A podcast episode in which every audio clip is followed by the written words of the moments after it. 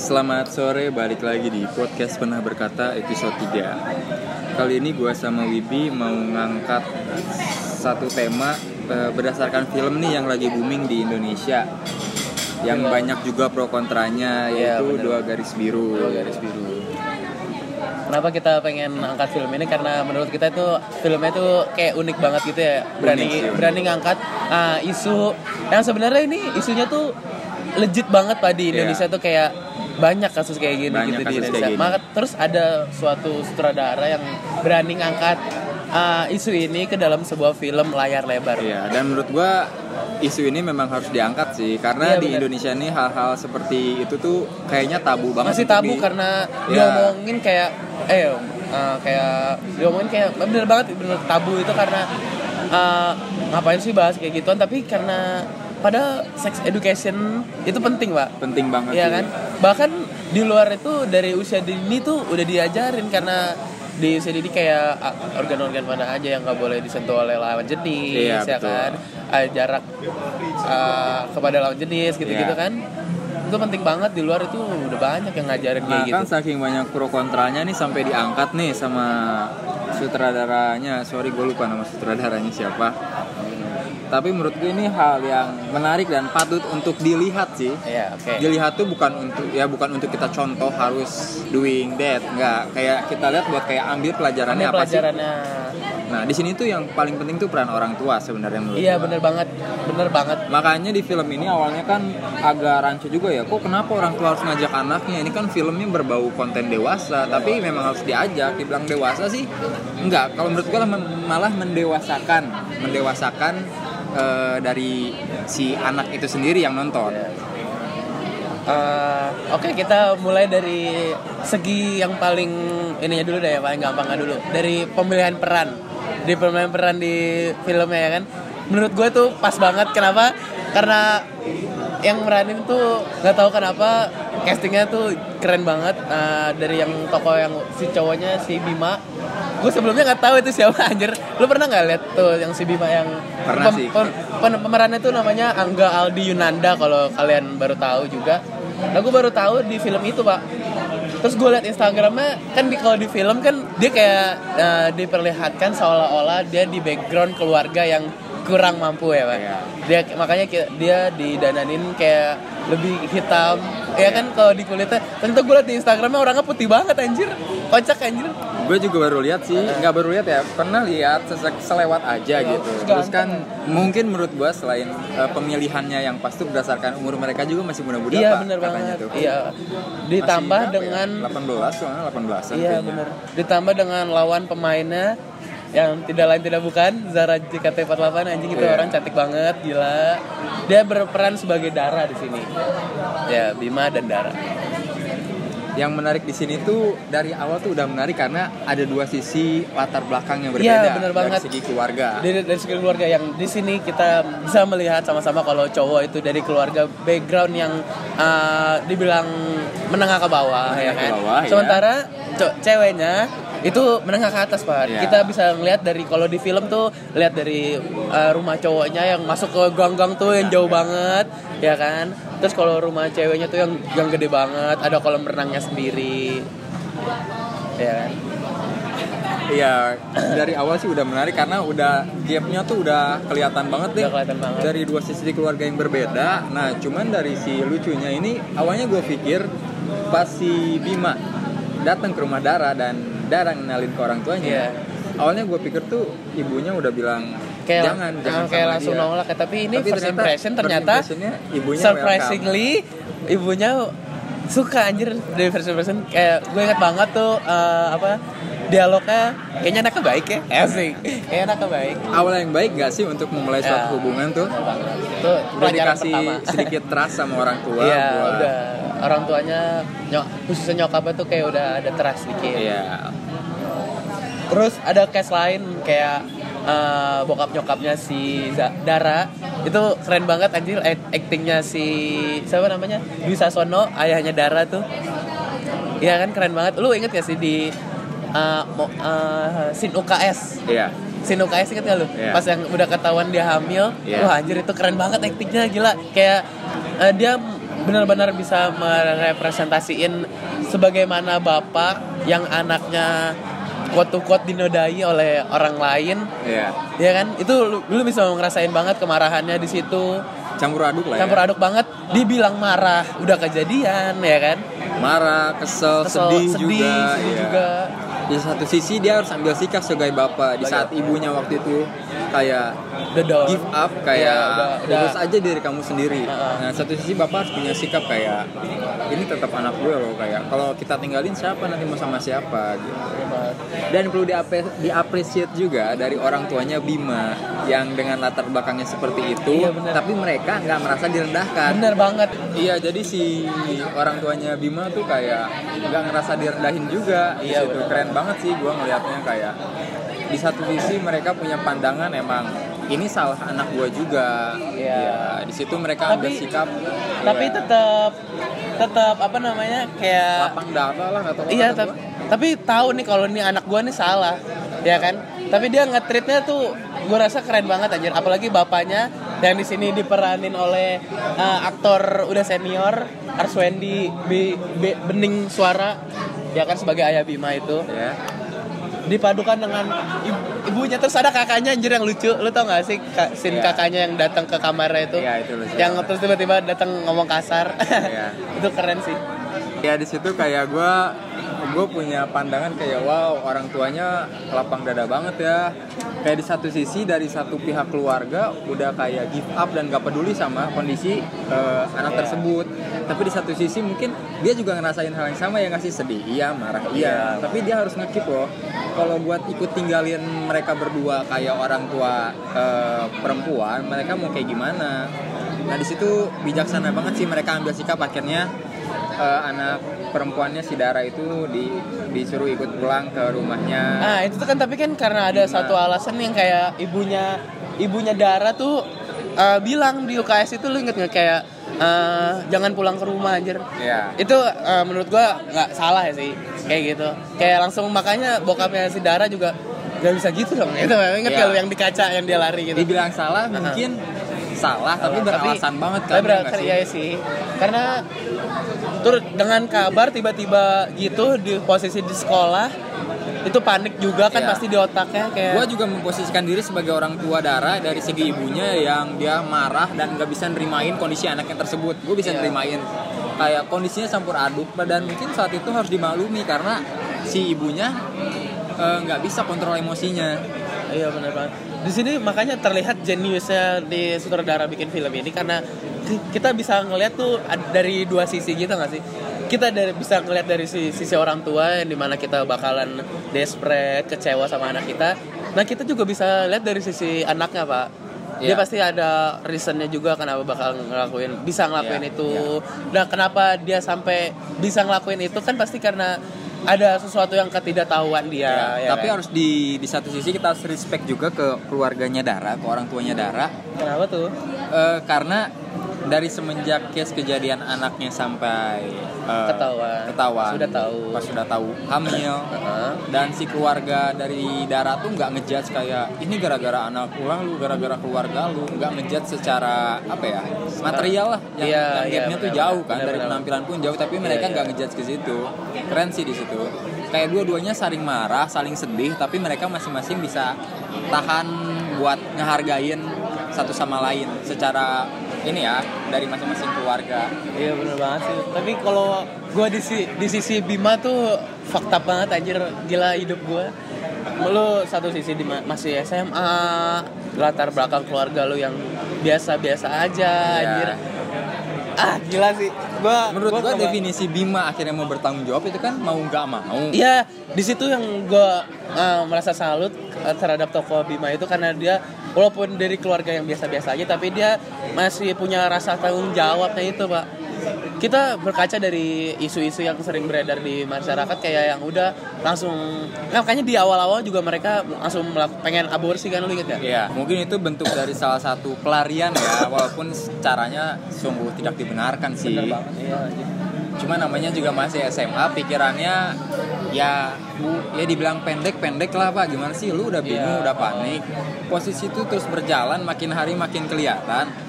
Dan lu harus ambil tindakan. Gua mau kerja gua masih kuliah. Iya, orang tua gua tahu pasti marah sedih. Bisa jadi timbul depresi pak kalau saat-saat Iya. kondisi kayak gitu. Untungnya dari kedua belah pihak saling menguatkan pak secara tidak langsung mungkin ya Tapi di sini gue ngelihat kayak uh, rentetan filmnya tuh bagus banget ya.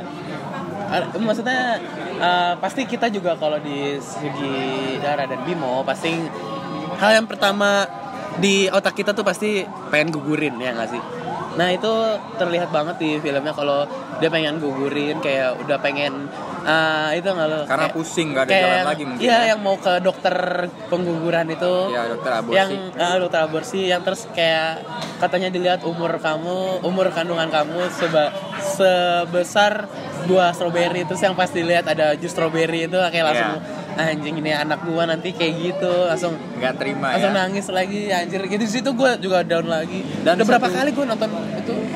Sedih terus ya? si darahnya juga nggak mikir pendek juga ya kayak aduh nggak boleh nih gua Iya, iya di luar kata dosa juga. Ini anak gua ya kali gua gugurin demi eh, semuanya berjalan baik seolah baik-baik saja padahal faktanya nggak kayak gitu. Dia belain buat nurunin ego dia. Dia rela eh, dia rela terbuka dan bilang dia salah karena perbuatannya. Yang penting ini nih anak nih kan nggak punya salah apa-apa jangan sampai disakitin yang dalam kandungan tuh. Bener banget sih kalau tanggung jawab kuncinya Iya, tanggung jawab. berani berbuat berani bertanggung jawab. Tanggung jawab dan juga uh, ada dukungan moral sih. Iya. ya kan? Kalau gitu lu se- kalau sebenarnya kalau udah kejadian kayak gitu lu nggak saudara nggak bisa dimarahin lagi pak. Udah Iya. nggak bisa marahin makin lu marahin makin stres anaknya. Bukan dimarahin sih kalau udah kejadian ya amit-amit sampai kayak gitu ya Iya yang sih. harus lu lakuin tuh Amit-amit. gimana ya? Cari jalan keluarnya tapi bukan dengan cara aborsi menurut gua. Bukan kita salahin kamu sih mainnya begini begini kamu sih. Bukan kayak gitu dari segi orang tua pun gua nggak setuju malah digituin.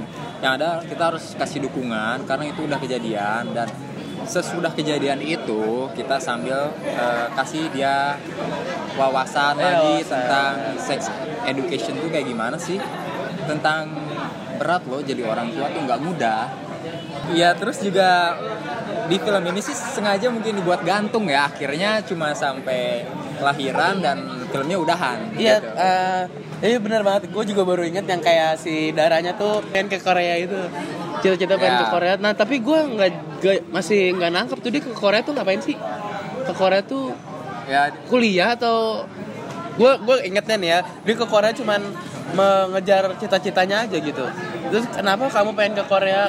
Karena di situ ada masa depan saya gue inget banget ya, dia ngomong gitu. kalau gua sih nangkepnya dia pengen ke Korea karena dia suka sama eh, boyband Korea oh iya oh iya ya lihat kan? lihat dari segalaman emang satu sisi Ah. dia pun pengen kuliah di sana karena Oh, alasannya sana. dia ngefans sama boyband Korea itu. Iya benar banget kayak balik lagi kalau kau eh, disangkutin ke permasalahan yang hamil itu nggak memutuskan cita-cita lu gitu. Iya. Pokoknya kalau lu punya cita-cita apa pun itu eh, halang rintangannya tetap kejar ya nggak sih? Bisa dikejar walaupun ya nggak mungkin nggak mungkin nggak saat itu juga sih Ya mungkin ya mungkin belum eh, nanti atau eh, belum tepat lah waktunya. ya, kalau- ya waktunya nggak sekarang banget lah mungkin. Kayak yang gue dapat pelajaran dari film ini tuh sesuatu tuh yang kita harapin kadang nggak terrealisasi pak dengan baik.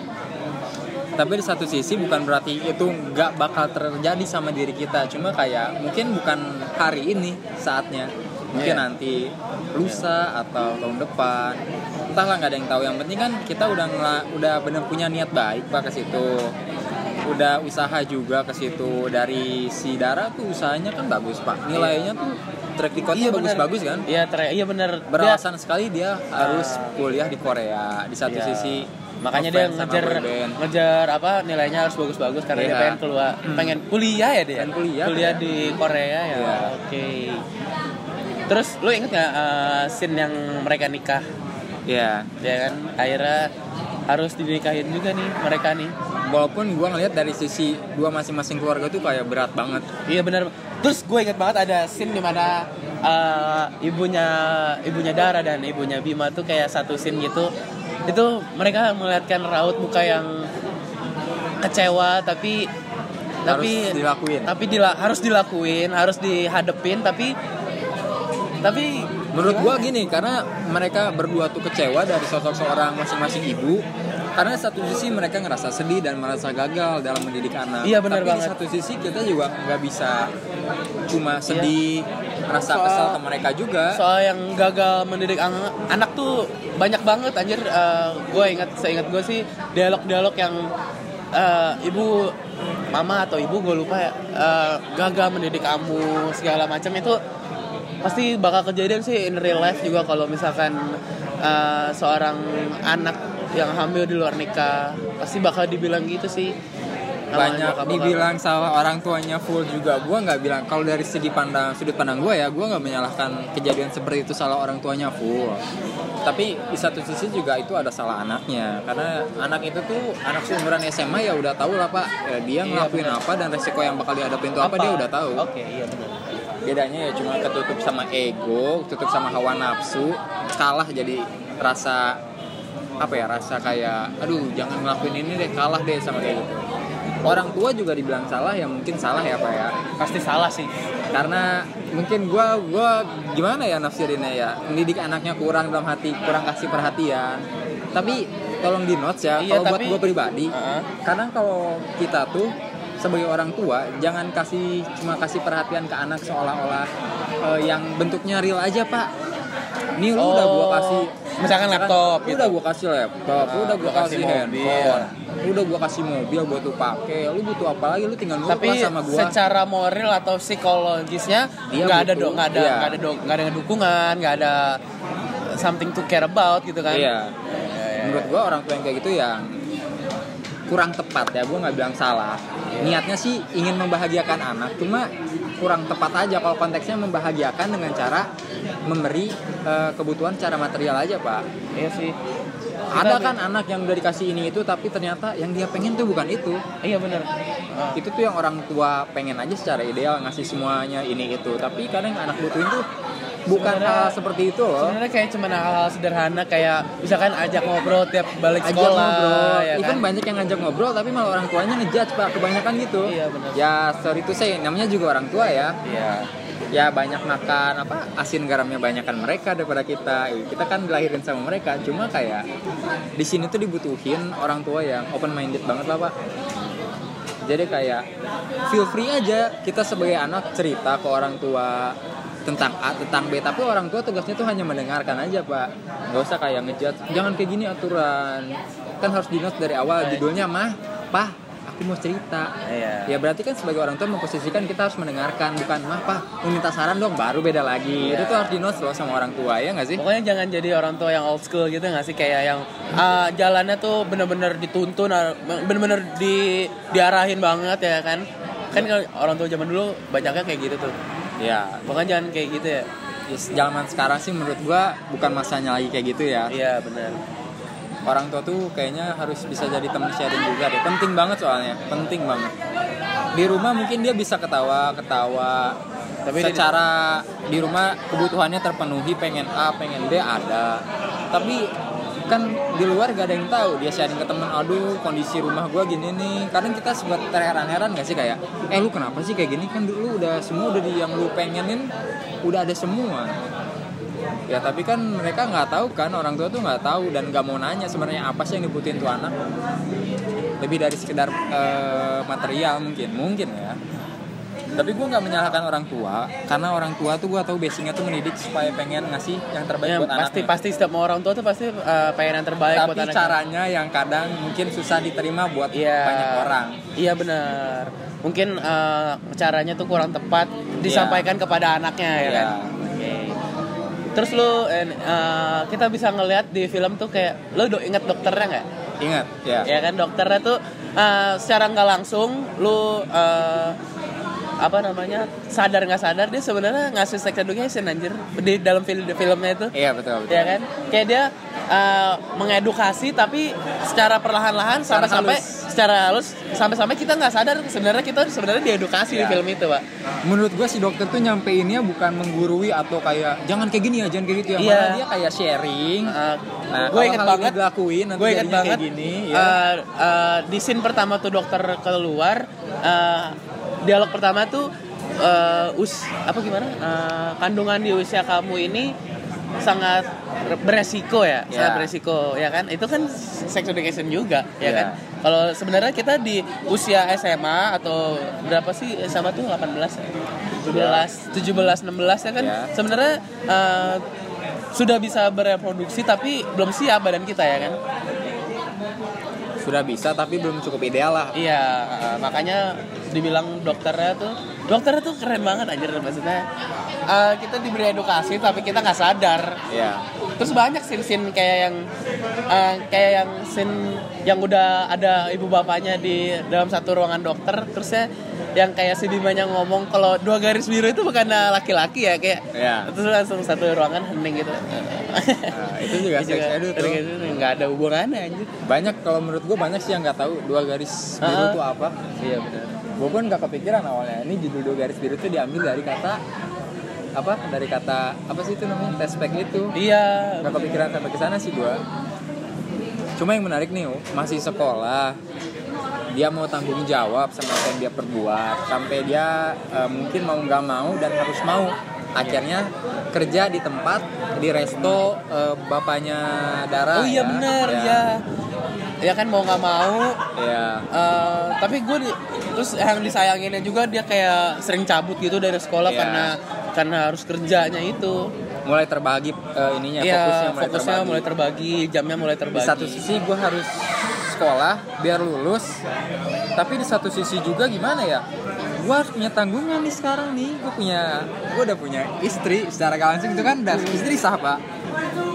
Nah cuman yang gue salutin di sini tuh kadang ada cekcok antara Dara Iya. sebagai istri baru dan Bima sebagai suami baru ya Iya sih? benar.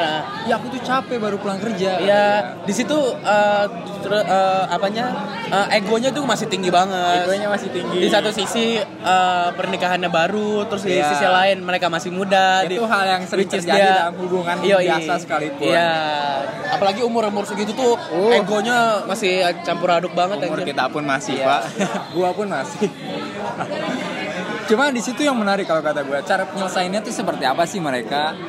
Akhirnya mereka nggak ya tapi akhirnya mereka kan masing-masing mikir kembali kayak turunin ego kita. Kita lihat deh apa sih yang ada di kandungan kamu tuh? Punya Iya. siapa sih? Punya kita berdua loh. Berhenti mulai salah-salahin ini salah kamu aku nyesal kenal kamu. Eh, mulai kayak bela- belajar bertanggung jawab dengan apa yang udah kita perbuat. Toh ini kan sama-sama yang kita mau Udah, iya sama-sama eh, gimana ya? Tanggung jawab bersama lah ya. tanggung jawab bersama kita berani lakuin hal itu karena kita harus mau tanggung jawab Iya. harus bisa ambil resiko itu Terus di scene selanjutnya tuh kalau lu inget kayak yang anaknya udah lahir, mau lahir ya. Terus kayak yang mau dikasihin ke itu anjir gue Oh, iya. gue itu tersedih tuh gue di situ pak. menurut gua sih itu bentuk defense dari orang tua Dara ngasihin anaknya ke omnya yang Iya. om sama tantenya yang belum punya anak ya. Yang nggak bisa punya anak yang nggak bisa punya anak kalau nggak salah. Jadi dikasihin biar mereka yang rawat karena kamu nggak mampu. Emang kamu mau pikir rawat anak tuh gampang? Iya. kata kata mamah Dara Iya gitu. dialog nyokapnya. susah ibu aja gagal mendidik kamu. Wah di notes lagi di situ. Padahal ibunya udah kasih fasilitas sudah dapat semua tapi ibunya Iya. merasa gagal. Karena apa? Balik lagi ke poin yang gue bilang tadi. Karena ada hal yang ibunya nggak tanyakan kepada anaknya tentang apa yang dia lebih butuhin daripada Iya, sisi material Bener banget. Iya nggak sih Nah, di luar material kayak Iya. yang lebih tadi balik lagi kayak yang psikolog psikologisnya gitu kayak kan Iya. kayak dukungan moral segala macam. cuma kan mungkin ya banyak kejadian tuh pelajaran bisa kita ambil setelah kita menerima hasilnya ya nggak sih pak menerima kegagalan nah makanya di diangkatlah film ini supaya masyarakat Indonesia masyarakat pada umumnya tuh tahu kalau bisa jangan sampai kejadian dulu baru kita benar-benar terbuka pikirannya Iya bener.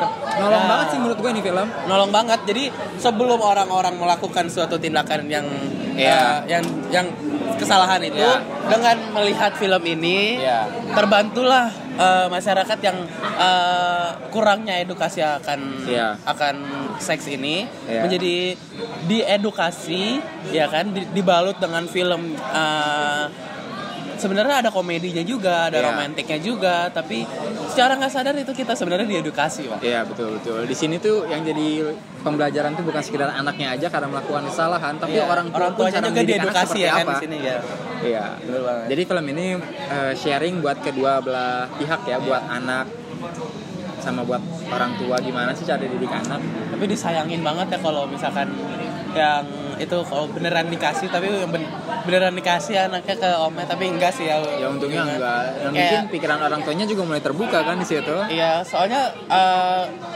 soalnya kenapa dia pengen ngasih juga karena si darahnya ini kan pengen ke Korea terus Iya. si Bima nggak mungkin bisa ngerawat sendiri ya kan Iya, cuma ya peran orang tua yang Peran. bijak tadi tuh diperluin Iya, juga.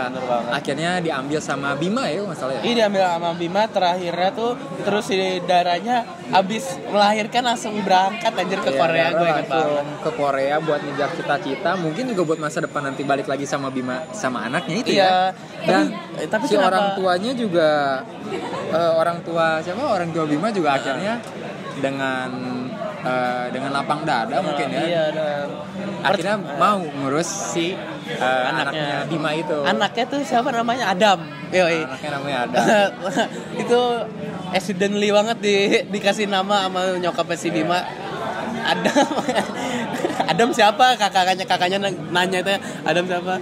Gak tahu sih mama tiba-tiba ngasih nama Adam gue inget banget gitu lucu nah di sini tuh kan ada peran eh, peran kakaknya juga Iya ya benar kan kakaknya juga. Yang awalnya kecewa juga pasti. awalnya kecewa tapi satu sisi yang harus kita ambil pelajarannya mungkin ya Iya. kita apalagi eh, berkeluarga dan punya saudara baik adik maupun kakak itu tuh harus yang namanya kita sharing-sharing ke mereka loh. Harus banget. Bener banget. Kalau ya minimal kalau kita merasa eh, nggak bisa atau nggak sempat eh, berbicara atau eh, ngobrol sama orang tua ya Iya. peran kakak atau adik itu sebenarnya Ya, ngebantu banget ngebantu sih. banget ya. Even mungkin kakak sama adik selalu nganggap apaan sih Ya, lu atau apaan sih lu? kakak adik atau saudara lah ya kalau Iya, misalkan nggak ada kakak atau sepupu adik lah. iya. Kadang kan banyak namanya adik kakak suka banyak berantem. Ya apaan sih lu berantem tentang A lah tentang B. Tapi di satu sisi kalau udah deep talk itu mereka saling ngerangkul menurut gua. Bener tuh, iya, bener semuanya pun kayak begitu. Makanya si Rahel Amanda juga di situ punya peran juga sih bukan pemanis aja. Di luar Iya, dia manis ya. Eh, emang Di luar manis dia sih. manis juga memang punya peran juga. Jadi misal lu punya adik atau lu punya kakak cobalah yang dulunya kita sering marah-marah dan jaim-jaim mulailah coba saling terbuka. Asikin aja tuh itu kan adik lu sendiri kakak lu sendiri. Gak mungkin juga dulu tiba-tiba dijutek ini apaan sih lu kok gak jelas banget tiba-tiba nggak? Ya mungkin digituin Ya, tapi dikit lah ya maksudnya itu ya basicnya tuh ya tetap saling sayang loh mereka tuh. Terus gua eh, gua baca juga di apa? Di Twitter ada beberapa fun fact nih. apa tuh Beberapa fun fact eh, dua film dua garis biru ini. Lu tau gak sih ternyata di lu nyadar apa gak sih di adegan UKS itu ternyata Ya. itu long take anjir. Iya, iya dalam satu one take itu panjang, nggak ada misalkan jadi satu frame yang sama oh nggak nggak ada Iya, lu sadar gak? Gak sadar kan gue juga awalnya gak Nggak, sadar. Jadi sadar, dia tuh long take satu take doang anjir di satu KS itu. Jadi gila itu mereka actingnya tuh bagus banget emang ada Dwi Sasono segala Iya. macem tuh emang udah nggak diragukan lagi sih actingnya terus terus dapat udah mana dapat banget emosinya nggak nggak salah nggak salah dialog Iya. gila itu dalam satu long take itu jago banget tuh gue baru tahu juga itu satu Iya, fun iya. fact-nya lu baru Iya. tahu juga kan? Baru tahu gue kalau yang itu. Terus terus apa lagi mungkin pendengar juga baru tahu kan? Baru tahu nggak lu? Terus nih gue juga dapat fun fact kedua. Kata gue dengar dari teman-teman yang udah nonton ya yang perempuan Ah. terutama. Katanya pas di scene UKS itu mereka tuh pada bilang lu nyadar gak itu tuh bedak bedak atau apa? Mungkin gue nggak ngerti ya bedaknya si Bima itu luntur kena baju. Oh iya ya entah bu- bukan bedak kayak mungkin make up tapi apa gue Oh, nggak iya. tahu namanya. Iya, katanya luntur kena baju. Oh, Mungkin gue baru tahu nih asli. dibilang luntur karena ambilnya cuma one take Oh ya. iya benar, udah mana keringetnya panjang, Scene dari- panjang, one take, long take kayak kan. Iya. Mungkin ini sutradara juga bingung milihnya udah beberapa take diambil kayaknya Mungkin- ini emosionalnya paling dapet. Iya benar. Jadi gue relain yang penting emosinya dapet tapi agak ngemis dikit. Iya. Tapi gue sih jujur pas gue lihat gue nggak tahu ada kayak gini. Iya benar, waktu Yang di filmnya kita nggak tahu Iya ya. nggak tahu gue ya. Ah. Perempuan aja detail banget sampai ke ih itunya Tapi kena ke leher keren apa banget apa ya. gue nggak tahu sih. Dari ibunya Bima nangisnya dapat banget. Marahnya, Marahnya marahnya dapet. bokapnya si Dara dapat banget. Kecewanya nyokapnya Dara dapat banget. Ditampar gimana sih lu Iya, ngerasain? Lu Eh, ditampar. Nyokap, nyokapnya Bima ya, nampar Bima ya. Nampar Bima. Itu Dia kenceng kesel banget anjir satu sisi, asli. Dia juga ngerasa kenapa anak gue yang Iya. kejadian kayak gini. Dia pun bener. merasa gagal jadi orang tua. Heeh, benar banget. Terus kayak ada fun fact fun fact lainnya nih. Kalau kata Wibi pernah dengar kalau yang nontonnya itu ada di scene yang bil yang bilang eh, bukannya kalau dua garis biru itu cowok ya. Di situ kan Iya, banyak oh. penonton ada sebagian ketawa, ada yang diam. Iya, bener, ah. Gua dari segi penonton yang diam. Iya, Dan bener. sedangkan ada Ada beberapa, beberapa penonton yang ketawa. Ah. Banyak sih nggak beberapa. Iya. Nah terus gue gua baca juga karena kalau katanya yang ketawa itu dia uh, merepresentasikan dia Dirinya. dirinya, itu sebagai uh, anaknya, anaknya, ya iya, kan. iya, betul, Sementara beberapa penonton yang nggak ketawa, yang Iya. nggak kena itu komedinya Iya. merepresentasikan dirinya sebagai orang, Orang tua. tua. Kenapa dia nggak ketawa? Karena dia ngerasa anjir di kondisi kayak gini anak gua betul, hamilin betul. anak orang Iya, masih bisa benar-benar. ketawa tuh nggak mungkin anjir Lucu lah itu. gitu. ya kan makanya gue bilang kenapa film ini jenius banget karena dia bisa ngebagi eh, sadar nggak sadar Iya, betul, betul. eh, arah arah ceritanya itu dibagi dua di- dibanding eh, di satu sisi kita sebagai orang tuanya di satu sisi kita sebagai anaknya gitu Ya dan mungkin juga baru pada banyak yang tahu ya soal itu ya. Jadi mungkin dari kalian yang merasa lu pas scene, kayak gitu lu ketawa dan ada yang enggak coba Iya. deh lu refleksiin ke diri lu eh kayaknya bener deh gue nge ngerepresentasiin diri gue sebagai anaknya dan gue sebagai orang tuanya kalau gue pribadi sih gue nggak ketawa tapi dalam hati gue tahu hal lucu juga ya tapi gue nggak ketawa iya iya gue juga cuman entah itu Ah, itu iya. secara gak langsung aja ya kayak cuman eh, apa namanya ice breaking aja tapi nggak Iya. bukan komedi komedi yang banget diketawain kalau gue punchline lah ya Iya, gue gue gue sendiri gue nggak ketawa. Iya. Lu ketawa nggak gitu? gue nggak ketawa Nggak gua. ketawa gua. tapi gue tahu itu hal yang lucu tapi bukan Iya. untuk ditertawakan entah itu secara nggak secara otomatis loh gue nggak ngelakuin hal itu Tapi emang keren sih nih film sih harus Keren diapresiat lah yang belum nonton mungkin boleh nonton ya Sampai hari ini tuh tanggal sampai tanggal berapa sih Wip? sampai tanggal 30 Juli ini lu tau gak sih ada sekitar 2, hampir 3 juta penonton pak 3 juta penonton ya Iya 2,4 penonton itu tanggal 29 tanggal pak 29 ya gila keren banget sih Gila, emang. gue terus ya di awal-awal minggu juga udah hampir sejuta katanya Keren gila. sih. Ah, apa nyaing nyaingin Dilan juga kan. iya benar Tapi emang gua tuh trailer pertamanya keluar emang langsung booming gitu kan padahal baru trailer langsung gue pun booming. pas sudah nonton di rumah sharing-sharing gue bilang Iya. ke nyokap gue bun bun ayo dong nonton bun sama adik-adik ajakin sih Iya kan? filmnya bagus tahu keren sih menurut gue kita apresiat buat dua garis biru ya Oke. banyak banget insight yang bisa kita ambil dari film ini gitu. Pokoknya kalian yang belum nonton masih ada nggak sih di bioskop masih ya? masih ada ya gue Masih belum gue nggak pernah ke Ya pokoknya yang belum nonton nonton ya karena ini bagus banget nge- ngebuka wawasan lu terhadap isu-isu yang Iya. sebenarnya ini dekat banget loh sama yang awalnya Indonesia. yang awalnya lu ngira ini tentang seks bebas Iya. anak usia dini remaja Tapi cobalah ambil edukasinya. ternyata ya kan? Bukan itunya yang disorot Iya. tuh keren sih menurut gua Keren banget pokoknya maju terus perfilman Indonesia keren, keren. kita nggak di endorse menurut gua Oke lah pokoknya segitu Iya. dulu kali ya. thank you banget nih yang udah ngerimain kita buat uh, bahas tentang sex education ya buat teman-teman dan nanti mungkin boleh sharing-sharing lagi kita mau bahas apa atau mungkin nanti kita mau collab sama siapa nih Iya kalau nggak eh, pendengar ada yang merasa dirinya layak untuk Mungkin- masuk di podcast kita ya kan. Secara podcast kita ini udah mulai naik.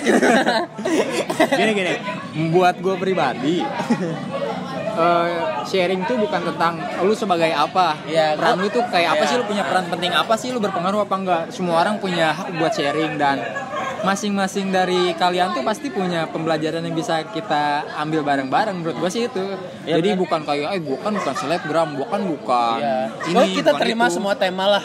Gitu bisa ya kan? lah semua kita sharing-sharing toh gue pun bukan selebgram bukan artis Iya. bukan Ya, kita masih apa? iya Pegawai biasa aja. aku mah hanya pegawai gitu Oke lah, segitu aja dulu ya. Terima kasih semuanya yang udah Ya. mendengar. ya Dadah.